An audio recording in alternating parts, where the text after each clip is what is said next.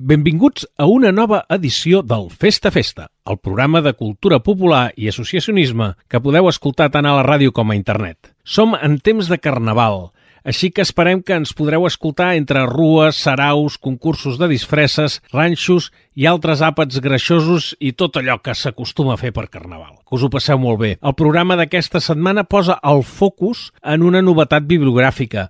I quina novetat! Feia temps que l'estàvem esperant. Us parlem del llibre Barcelona gegantera, història d'un moviment popular contemporani, d'en Nico Alonso les seccions dels nostres col·laboradors i col·laboradores, l'actualitat del Tornaveu, el concurs La Sardana de l'any i una selecció de temes musicals, molt electrònics, per cert, arrodoniran aquests 55 minuts de programa. Què, som-hi? Sí? Veniu? Doncs ara sí, comença el Festa Festa.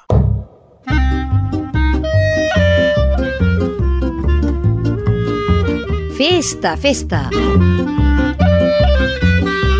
Cultura popular i associacionisme a la ràdio i a internet.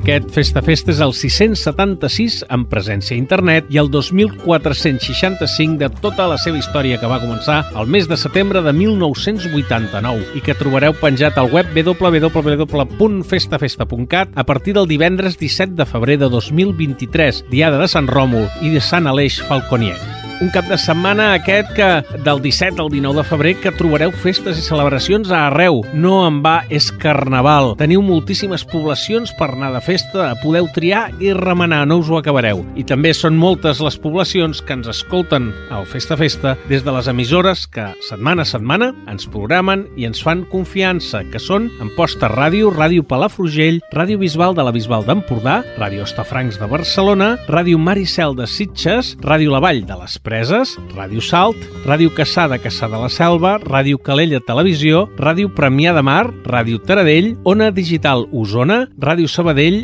Ràdio Municipal de Terrassa, Ràdio Palau de Palau Solità i Plegamans, Ràdio Vall Romanes, Ona Codinenca de Sant Feliu de Codines, Altafulla Ràdio, Ràdio Ciutat de Badalona, BTV 91 FM de Barcelona i Ràdio Vilassar de Dalt. I recordeu que també ens podeu escoltar a través de les aplicacions de podcast, com Apple Podcast, Google Podcast, Spotify i Overcast, i que també podeu accedir a tots els continguts del Festa Festa des de VilaWeb, des de Tornadeu i des de barcelona.cat barra cultura popular. Tampoc oblideu que podeu seguir-nos per les xarxes socials, Facebook, Twitter i el nostre canal de tele. Festa, festa! amb Amadeu Carbó.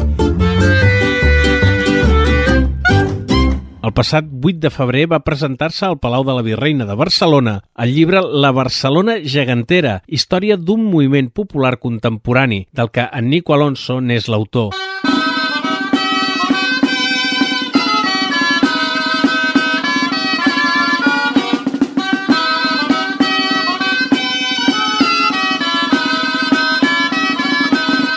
La Barcelona gegantera, història d'un moviment popular contemporani, ha estat impulsat pel Servei de Cultura Popular de l'Institut de Cultura de Barcelona i en Nico, que sap portar gegants en dia de vent, sintetitza amb solvència la història de 600 anys de presència documentalment provada de gegants a Barcelona i aporta infinitat de noves dades.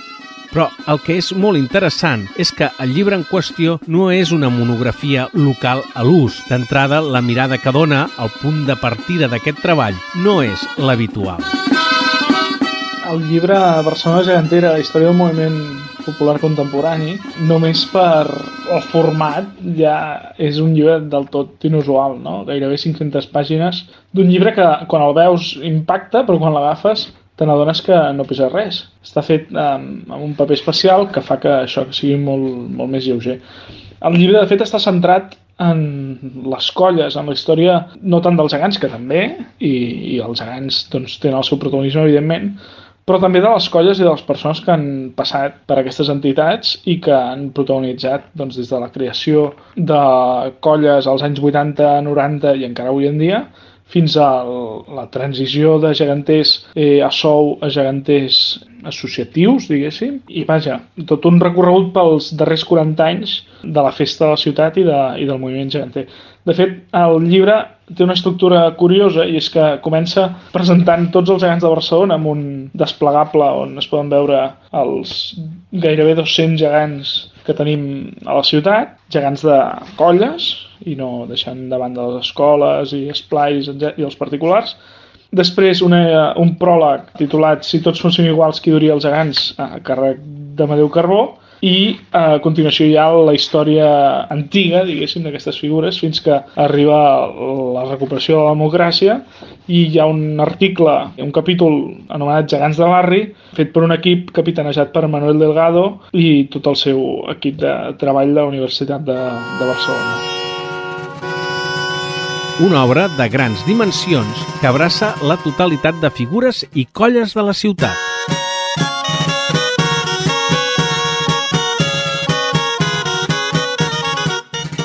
Tracta d'una obra literària no? que per primera vegada ha abarcat tots els gegants de Barcelona que han existit al llarg de tota la història. Amb qual cosa ens referim a gegants perduts, gegants oblidats amb el pas del temps i gegants que hem descobert ara fent la recerca. I també a, a gegants bé, més nous, però que també han desaparegut o que ara mateix estan abandonats, que no surten, així com a gegants desconeguts que no hagin sortit a altres publicacions o que no se n'hagi escrit gaire, no? El llibre La Barcelona gegantera, història d'un moviment popular contemporani, està ben documentat i ben referenciat i amb un buidat de maroteca que ha fet aflorar novetats molt i molt destacables. Tot el que apareix en el llibre està documentat i referenciat i apareixen les referències al llarg de tot el llibre. No tot ha estat obra meva, hi ha hagut molta gent que m'ha ajudat a, a trobar la informació i a fer aquesta recerca i que ha donat els seus fruits, no?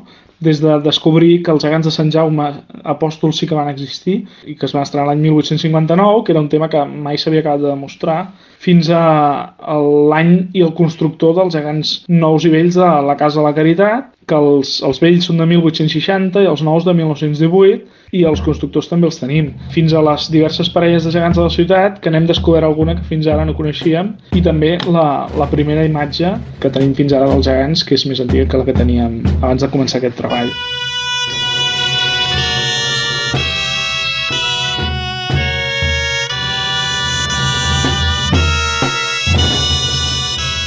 Hem descobert l'any de construcció dels gegants de Sant Pere a les Pueles, que fins ara no el coneixem i que són del corpus del 1960, i infinitat de gegants de parròquies barcelonines que hem pogut documentar, tot i que la informació molts cops és molt minsa.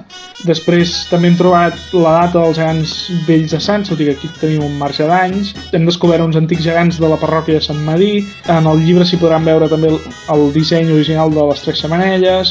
Hem descobert que els gegants d'Horta i Nardó són unes rèpliques que es van fer els anys 90 90, els primers gegants de la Sagrera que tampoc els coneixíem, o fins ara no havien sortit publicats a Can Llibre, eh, l'any de construcció dels Cabrons Macers, que tampoc es coneixia o, o no era correcte, igual passava amb els gegants de la Berneda, hem pogut eh, solucionar una mica l'embolic amb els gegants de la Bona Nova i per tant en aquest llibre s'explica com van acabar aquests gegants i altres coses com la història dels gegants vells de Gràcia que tot i que no l'hem pogut acabar perquè no sabem què va passar amb ells al final, però sí que hem descobert una bona part de la seva segona vida que no, no es coneixia. I, i vaja, de tot això, a més dels gegants de roba al clot, per exemple, que eh, n'hi ha hagut molts i aquí intentem explicar la història de cadascun d'ells. Des d'això fins a gegants desconeguts per la gran majoria del públic, pel, pels geganters mateixos, perquè de fet en aquest llibre es treballen tots els gegants de Barcelona que han existit al llarg de la història i de tots se'n parla i s'intenta explicar la seva història sencera. No?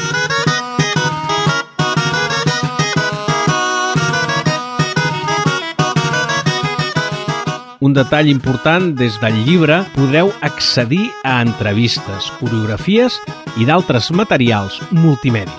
Barcelona Gegantera no és només un llibre com a tal, sinó que també és un projecte multimèdia en el qual l'Ajuntament de Barcelona i la Coordinadora de Colles Geganteres de Barcelona han volgut deixar constància no, del patrimoni festiu que tenim a la ciutat, sobretot en el, en el cas dels gegants, amb la recopilació de tots els balls propis que tenen els gegants de Barcelona, que ara mateix n'hi ha una quarantena, i de fet eh, aquesta recopilació ha estat possible gràcies a l'enregistrament de tots aquests balls, però també i especialment el, la feina feta per l'Esbar Català Dansaires, que dins del seu projecte de l'inventari de danses vives d'arreu de, de Catalunya, doncs ha dedicat uns esforços a catalogar aquests 40 balls i fer-ne unes fitxes tècniques, fer-ne el repàs de la coreografia, eh, juntament amb la partitura i, i la música que s'hi fa servir. A més, tots els balls han estat gravats pels ganxets grellers del Baix Camp, que ja n'havien gravat uns quants bons anys i ara han gravat tota la resta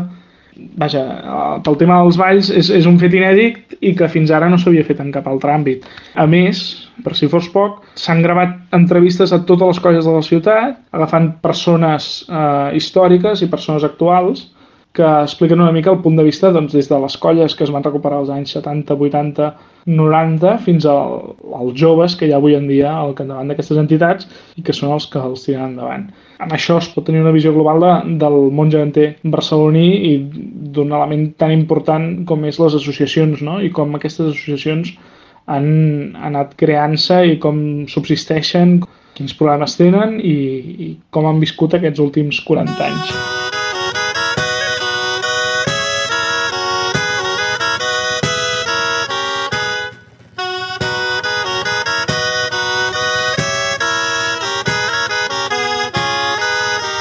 I finalment, l'acte de presentació d'aquest llibre va servir per alertar-nos que ben aviat celebrarem una efemèride gegantera molt i molt important. L'acte va servir per presentar també els 600 anys de gegants a la ciutat de Barcelona, que de fet serà l'any que ve, l'any 1424 es troba la primera referència documentada, i per tant l'any vinent farà 600 anys d'aquesta primera referència. Uh, la idea és que des de Santa Eulàlia d'enguany fins a finals del 2024 hi hagi tot d'activitats a través de la coordinadora de colles geganteres, a través de l'Ajuntament i a través de tots els ens que s'hi vulguin sumar, coordinadores, federacions, la Generalitat, la Diputació, i hi haurà tot d'activitats que es vertebraran al voltant d'aquest aniversari.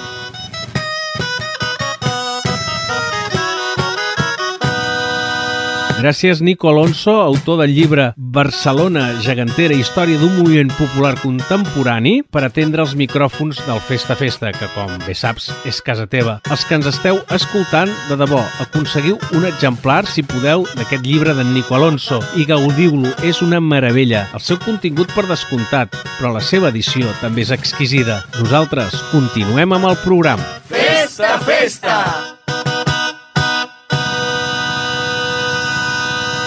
Aquesta setmana la selecció musical, a part de ser molt d'arrel, també és molt i molt electrònica. Ara us expliquem per què. Aquest diumenge 19 de febrer a les 7 de la tarda torna a confluir la programació del Tradicionarius amb la del Barnassans i a la sala Jordi Fàbregas del CAT del barri de Gràcia de Barcelona acollirà la presentació del treball de Joana Gomila i Laia Vallès, que du per nom Així de Sa, i que no us molesteu a cercar cap enregistrament a la xarxa ni cerqueu cap CD, no els trobareu. Aquest treball només el trobareu enregistrat en cinta de caset. Del treball Així de Sa, de Joana Gomila i Laia Vallès, escoltarem el tema Finestra. Net, mir, cant, toc. Obrint la finestra i sol ja tremola set. Tir, blanc, joc. Ocells que mos miren ses lletres petites nenant. Mirant. Cantant. I diu així que diu, que diu, que diu, que diu.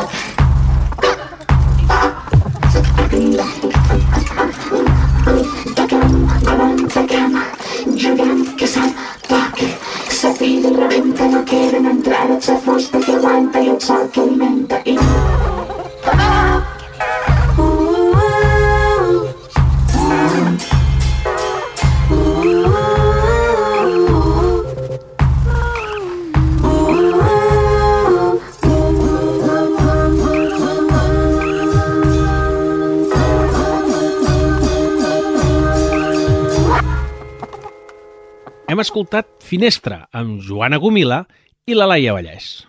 Sense la Cristina Costa no tindríem actualitat en forma de breus al Festa Festa. Són les notícies del Tornaveu. Endavant! Moltes gràcies, Amadeu! Festa, festa! Les notícies del Tornaveu. Les poblacions de Montmaneu, el diumenge 19 de febrer, i Pons, Vidreres, Capmany, Castellterçol i Verges, dimarts 21 de febrer, celebraran aquesta festa gastronòmica d'origen medieval un any més. La Federació d'Escudelles, Ranxos i Sopes Històriques de Catalunya, que vetlla per aquesta tradició, destaca el caràcter solidari de la celebració, que ofereix àpats de cullera col·lectius i generosos de manera gratuïta i la temporada de Pastorets finalitza amb gairebé 60.000 espectadors i recupera pràcticament les xifres d'abans de la pandèmia. La coordinadora de Pastorets de Catalunya, que aglutina diverses entitats que representen els pastorets, explica que, comparades amb les dades de la temporada 2021-2022, les d'aquest any són molt esperançadores. En total, s'han doblat el nombre d'entrades venudes i s'han obtingut uns ingressos de més de 59.000 euros i també s'ha produït un augment considerable de funcions, que ha passat de 175 a 230. A més, el col·lectiu ha guanyat múscul social, passant de 4.000 persones a 6.000 implicades en l'organització de les obres i les catifes florals viatjaran per Europa de la mà de la Federació Catalana d'Entitats Catifaires, que ha obtingut una subvenció de la Comissió Europea per liderar el projecte Flower Carpets Art. La federació té com a socis del projecte l'Associació Culturarte de Noto, a Itàlia, i l'Ajuntament de la ciutat de Garb, a Malta. Per a la tria s'ha valorat especialment la creació i la circulació transnacional de les obres i també la qualitat del contingut i les activitats que es desenvoluparan durant dos anys. Entre elles s'hi destaquen trobades internacionals catifaires, tallers i la celebració d'un congrés internacional a Barcelona i d'un simposi a Malta. I per acabar, l'Esbar Ciutat Comtal va rebre aquest dimecres el Premi Ciutat de Barcelona de Cultures Populars i Comunitàries 2022 per l'espectacle en 5D. El jurat va destacar positivament el caràcter valent de la producció, que ofereix una mirada innovadora de la dansa tradicional i d'arrel, trencant estereotips i rols de gènere en el disseny coreogràfic i de vestuari. Gràcies, Cristina Costa, i fins la setmana que ve. I ja ho sabeu, per estar al dia cal que entreu a tornaveu.cat, el digital de l'ENS de l'Associacionisme Cultural Català. Festa, festa!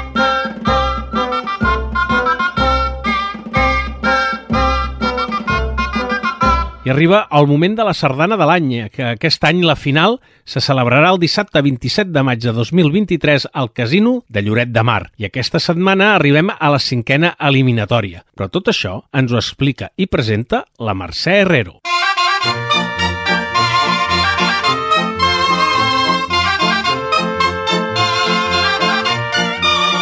La Confederació Sardanista de Catalunya presenta la Sardana de l'any. Cinquena eliminatòria. Sardana número 1. Foment de la sardana Pep Ventura. De Joan Vilasafont. Cobla principal del Llobregat.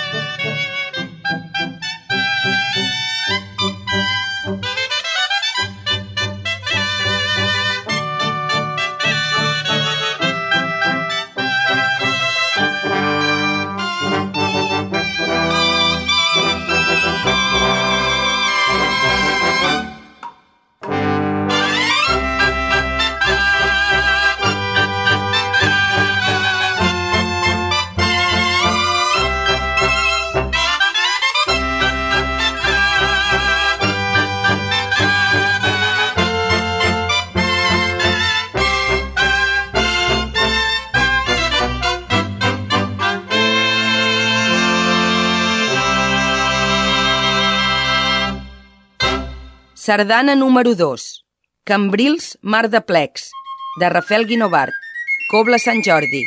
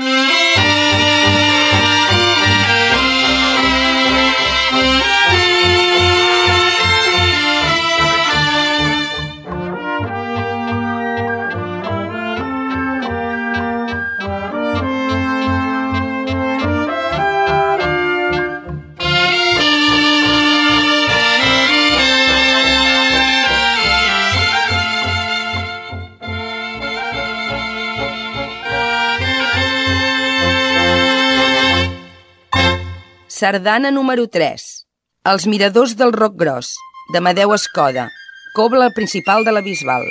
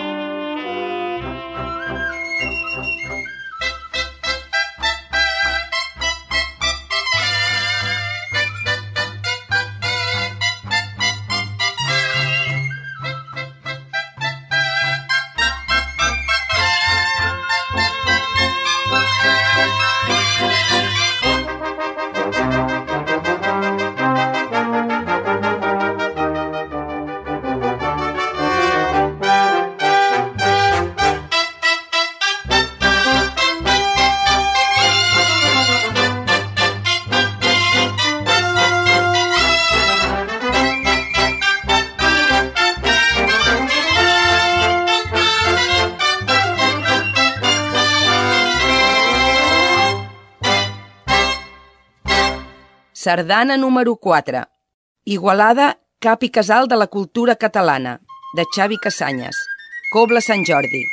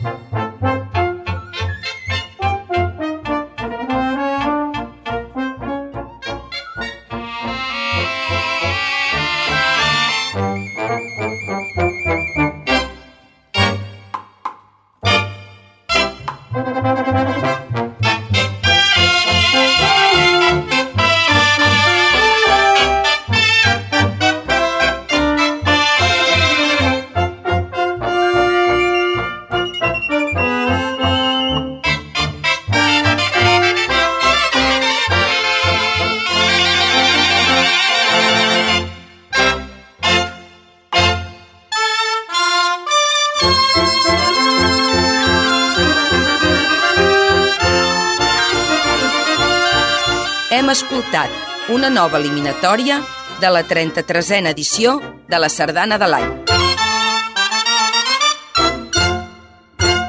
Gràcies, Mercè Herrero, i fins la setmana vinent. Recordem a tots els que ens escolteu i voleu participar i votar, ho podeu fer a la web lcda.cat i podreu tornar a escoltar les sardanes i votar les que més us hagin agradat. Festa, festa! Tots hem escoltat més d'una i de dues vegades la dita l'hàbit no fa el monjo, però mai explicada com ho fa en Víctor Pàmies. Són les dites i refranys.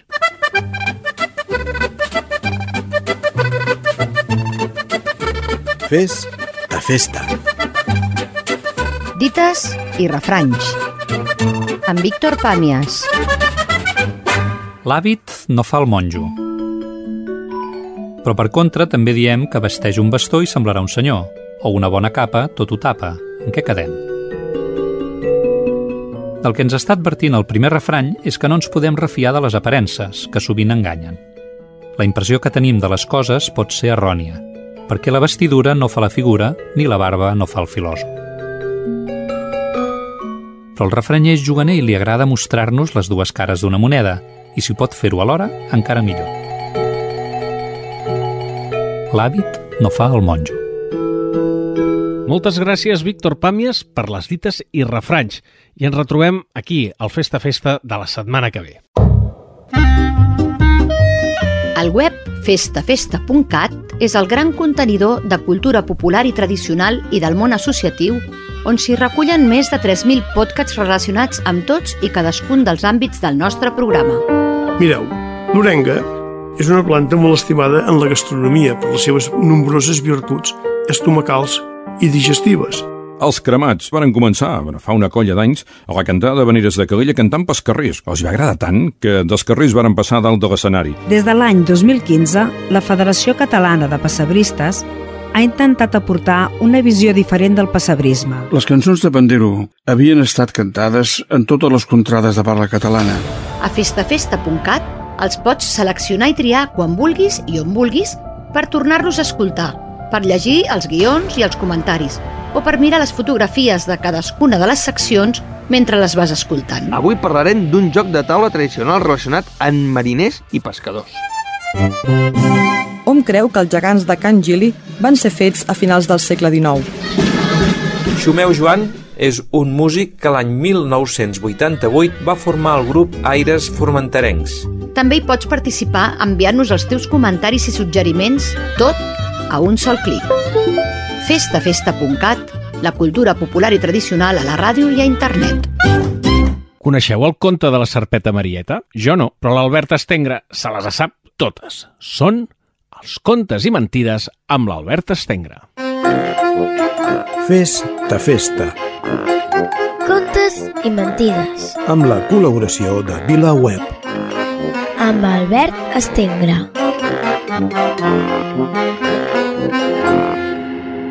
Una vegada hi havia una noieta que era pastoreta. Tenia tot un ramadet de cabretes en allà a la vora de la sèquia.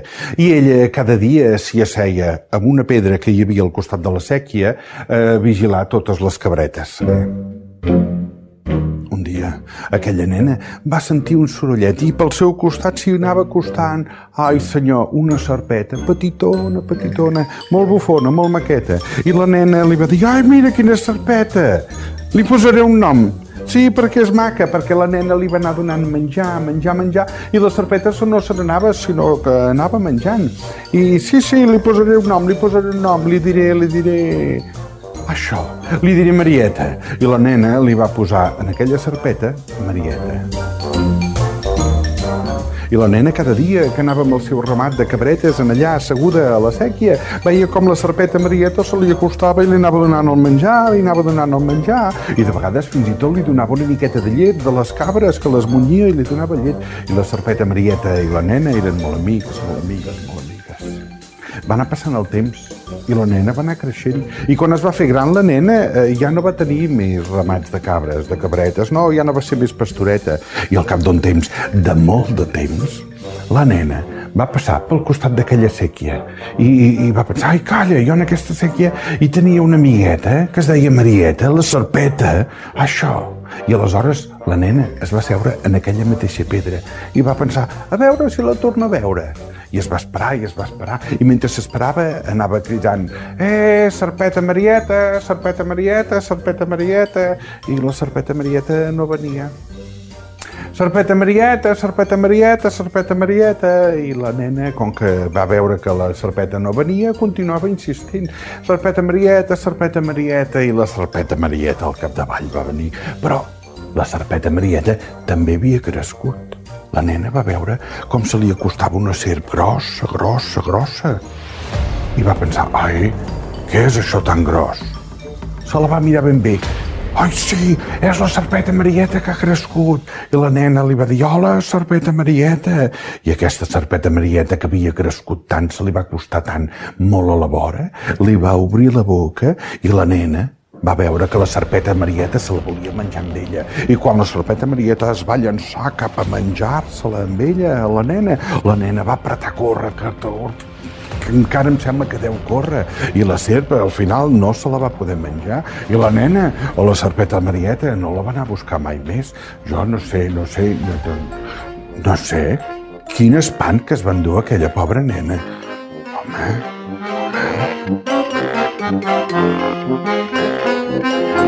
Gràcies, Albert Estengre, i fins la propera. L'Arnau Obiols presenta el seu quart treball discogràfic, Mont Cau, una passa endavant del camí que va encetar amb anteriors projectes, com per exemple Tost. El podreu veure el proper dijous 23 de febrer a dos quarts de nou del vespre al CAT, on tornen a confluir el Tradicionarius i el Bernassans. D'aquest Montcau de l'Arnau Viols escoltarem Coples dels Pagesos.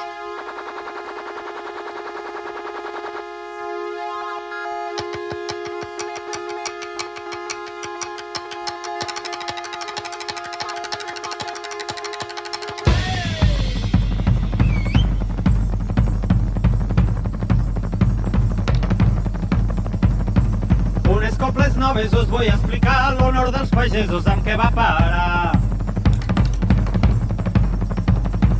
Ells reguen la terra amb els seus suors i amb l'esquena dreta viuen els senyors. Mira com s'ho fan alguns dels senyors per prendre la fresca en temps de calor.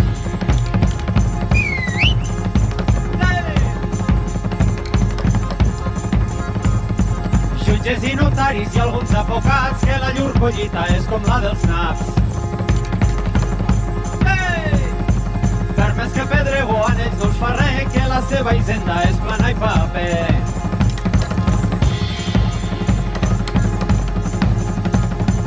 topen a les 11 van a passejar mentre que els pagesos són a descansar. Algunes diades, gallina i capó, perdius i pollastres i vida al més.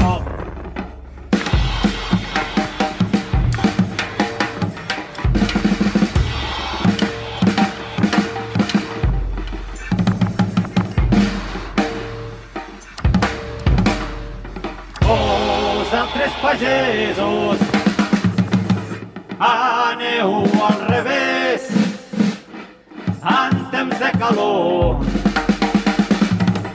quan mengeu més.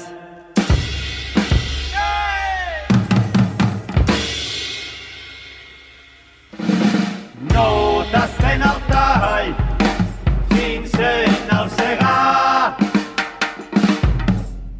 de cansats que estan sols profit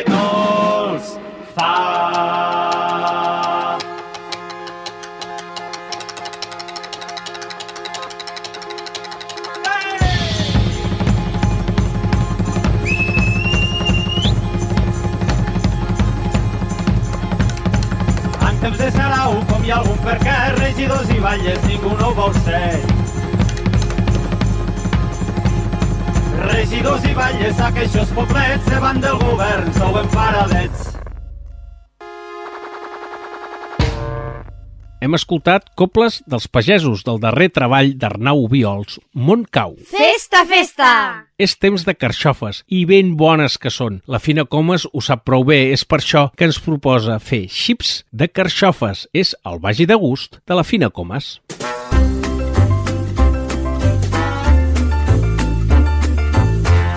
Que vagi de gust. La secció de cuina del Festa Festa. Amb Fina Comas. Autora del blog Cuina 5. Que vagi de gust. Avui farem uns xips de carxofes. La carxofa o escarxofa, Cinara scolimus, segons les comarques i en castellà alcachofa, el prefix al del castellà en savissa d'aquesta paraula té un origen àrab, el carxuf, de la mateixa família que el car comestible. Van dinsar-se per la costa per arribar a terres d'interior. És poder la hortalissa més mediterrània de totes, coneguda pels grecs i els romans, que li atribuïen efectes afrodisíacs, expandida pels àrabs i introduïda a França per Catalina de Mèdici. La carxofa és la reina de la horta i una de les verdures amb les que podem preparar més plats. Arrebossades, en cremes, al caliu, a la brasa, amb bunyols, amb truita, farcides, com a aperitiu, amb menestra, ofegades acompanyades d'altres verdures o per acompanyar la carn el peix. Al microones quan tenim cana ràpid, amb arrossos o també en pasta, que em dieu dels raviolis farcits. La recepta que farem avui és el xips de carxofa, molt fàcil de fer i molt ràpida. Necessitarem carxofes, oli d'oliva verge extra, sal i julivert. Preparació i cocció. Netegeu i peleu les carxofes, deixant el cor i una mica del tronc. Poseu les carxofes en un recipient amb aigua fresca i julivert per evitar l'oxidació. Talleu la carxofa en làmines molt fines amb l'ajuda d'una mandolina o un ganivet que talli bé. Poseu l'oli d'oliva en una paella i quan estigui prou calent, fregir per un cantó i per l'altre, fins que estiguin molt ben fregides. Procurar que l'oli no es refredi. A mesura que estiguin fregides, les anem traient amb l'escumadora i les posem en un plat amb paper absorbent de cuina per treure l'excés d'oli. Afegim la sal a l'últim moment. Que vagi de gust. Gràcies, Fina Comas, i segur que ho provem, eh? Però segur, segur. Fins la propera. La secció musical d'aquesta setmana, amb Francesc Sánchez Carcassés, ens apropa al tema musical Jo soy Guajira, interpretada per Leila Benson i el Castor Pérez. És una nova entrega dels Cants de Taverna.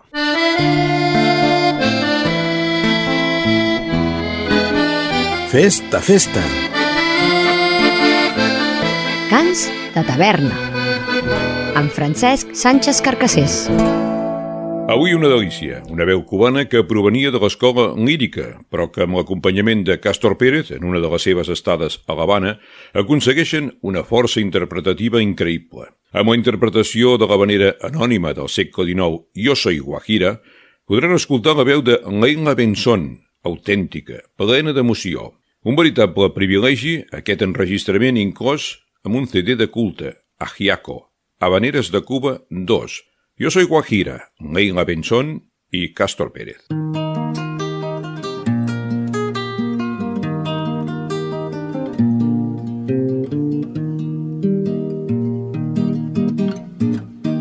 Yo soy Guajira, nací en Melena, en el ingenio del Curujey. Tengo 15 años, me llamo Elena, soy dulce y buena como el mamey. Yo soy Guajira, nací en Melena, en el ingenio del Curujey. Tengo 15 años, me llamo Elena, soy dulce y buena como el mamey.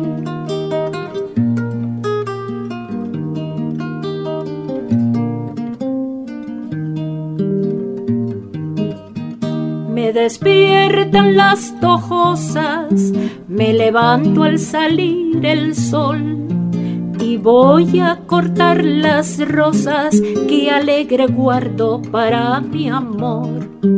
A misa del pueblo voy, montadita en mi alazán, y todos dicen que soy la más hermosa del manigual.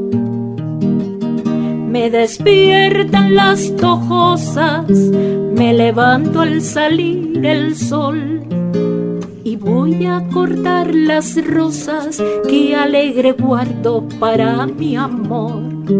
A misa del pueblo voy, montadita en mi alazán, y todos dicen que soy la más hermosa del manigual y todos dicen que soy la más hermosa del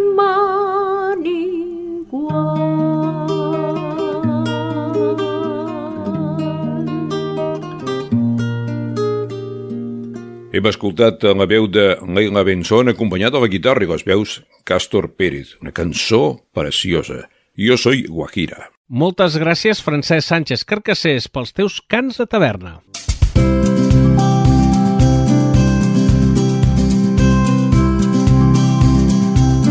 Festa, festa! I arribem a la darrera secció del programa, Danses, en la que la Berta Miró ens explica amb detall minuciós la coreografia de Clavellet.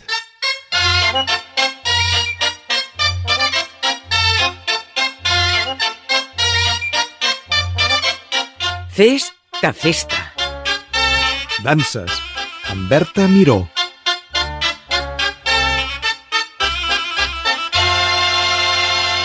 Avui us parlaré d'una dansa de nova creació. El seu coreògraf, Joan Manel Miquel, ens explica que la idea de crear clavellet sorgia en escoltar la música de Salvaida. El ritme musical l'inspira des d'un primer moment aquesta coreografia de parella, fresca, de marcat regust mediterrani.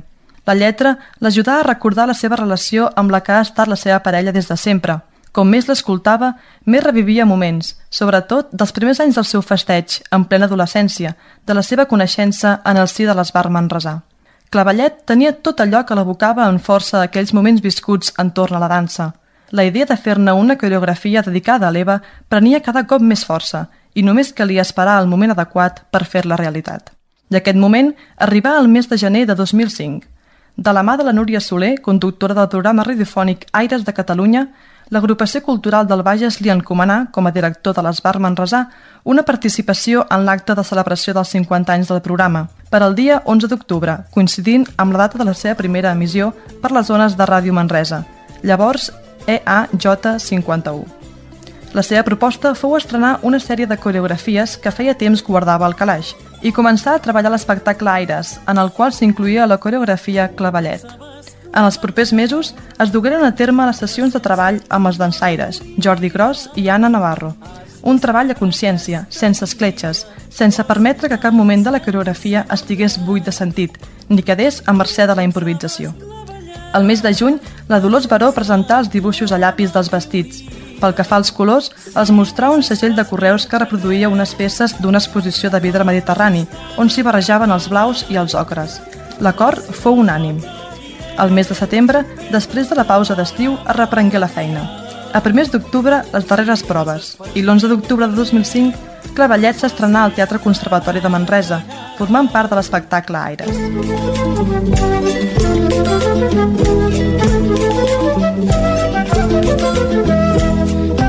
La presentació en veu en off de Núria Soler reproduïa un text del mateix Joan Manel Miquel, el coreògraf. L'adolescència és un dels moments més màgics en la vida de l'ésser humà.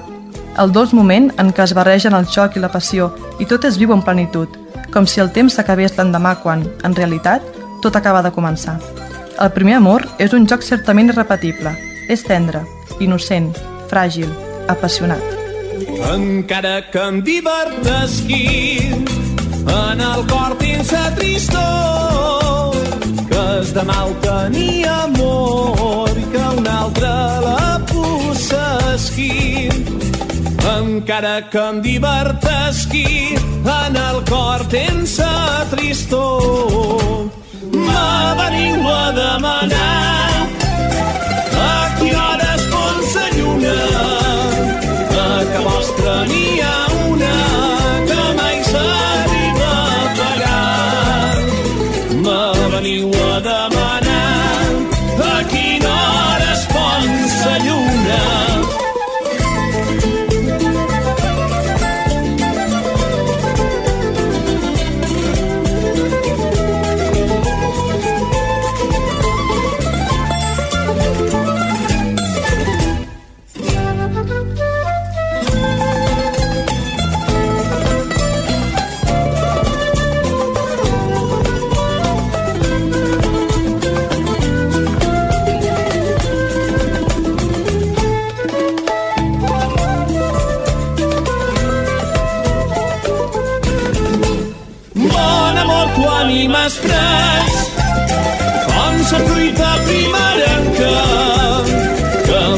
gelada es trenca s'espanca i no hi queda res. Bon amor, tu ànimes pres com la fruita primerenca Gràcies, Berta Miró, i ens retrobem ben aviat. Festa, festa!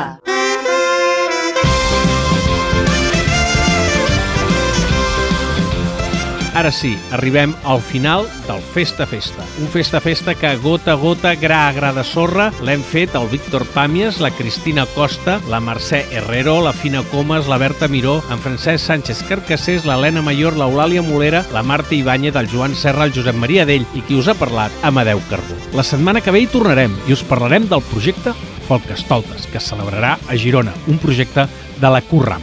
I encara una darrera informació. El proper dissabte 25 de febrer a la sala de cambra de l'Auditori de Girona es presenta Col·legues, Memorial Jesús Ventura Bernet, un concert de la Copla Ciutat de Girona per homenatjar a qui va ser el seu director i també el nostre, el nostre estimat Jesús Ventura Bernet. Ara us diem adeu amb una sardana, en aquest cas la guanyadora de la quarta eliminatòria de la sardana de l'any 2022 i que ja és semifinalista. Es tracta de la sardana Ocells primerencs, del compositor Lluís Pujals. L'escoltarem interpretada per la copla La Principal de la Bisbal. I amb ella us diem adeu. Fins la setmana que ve.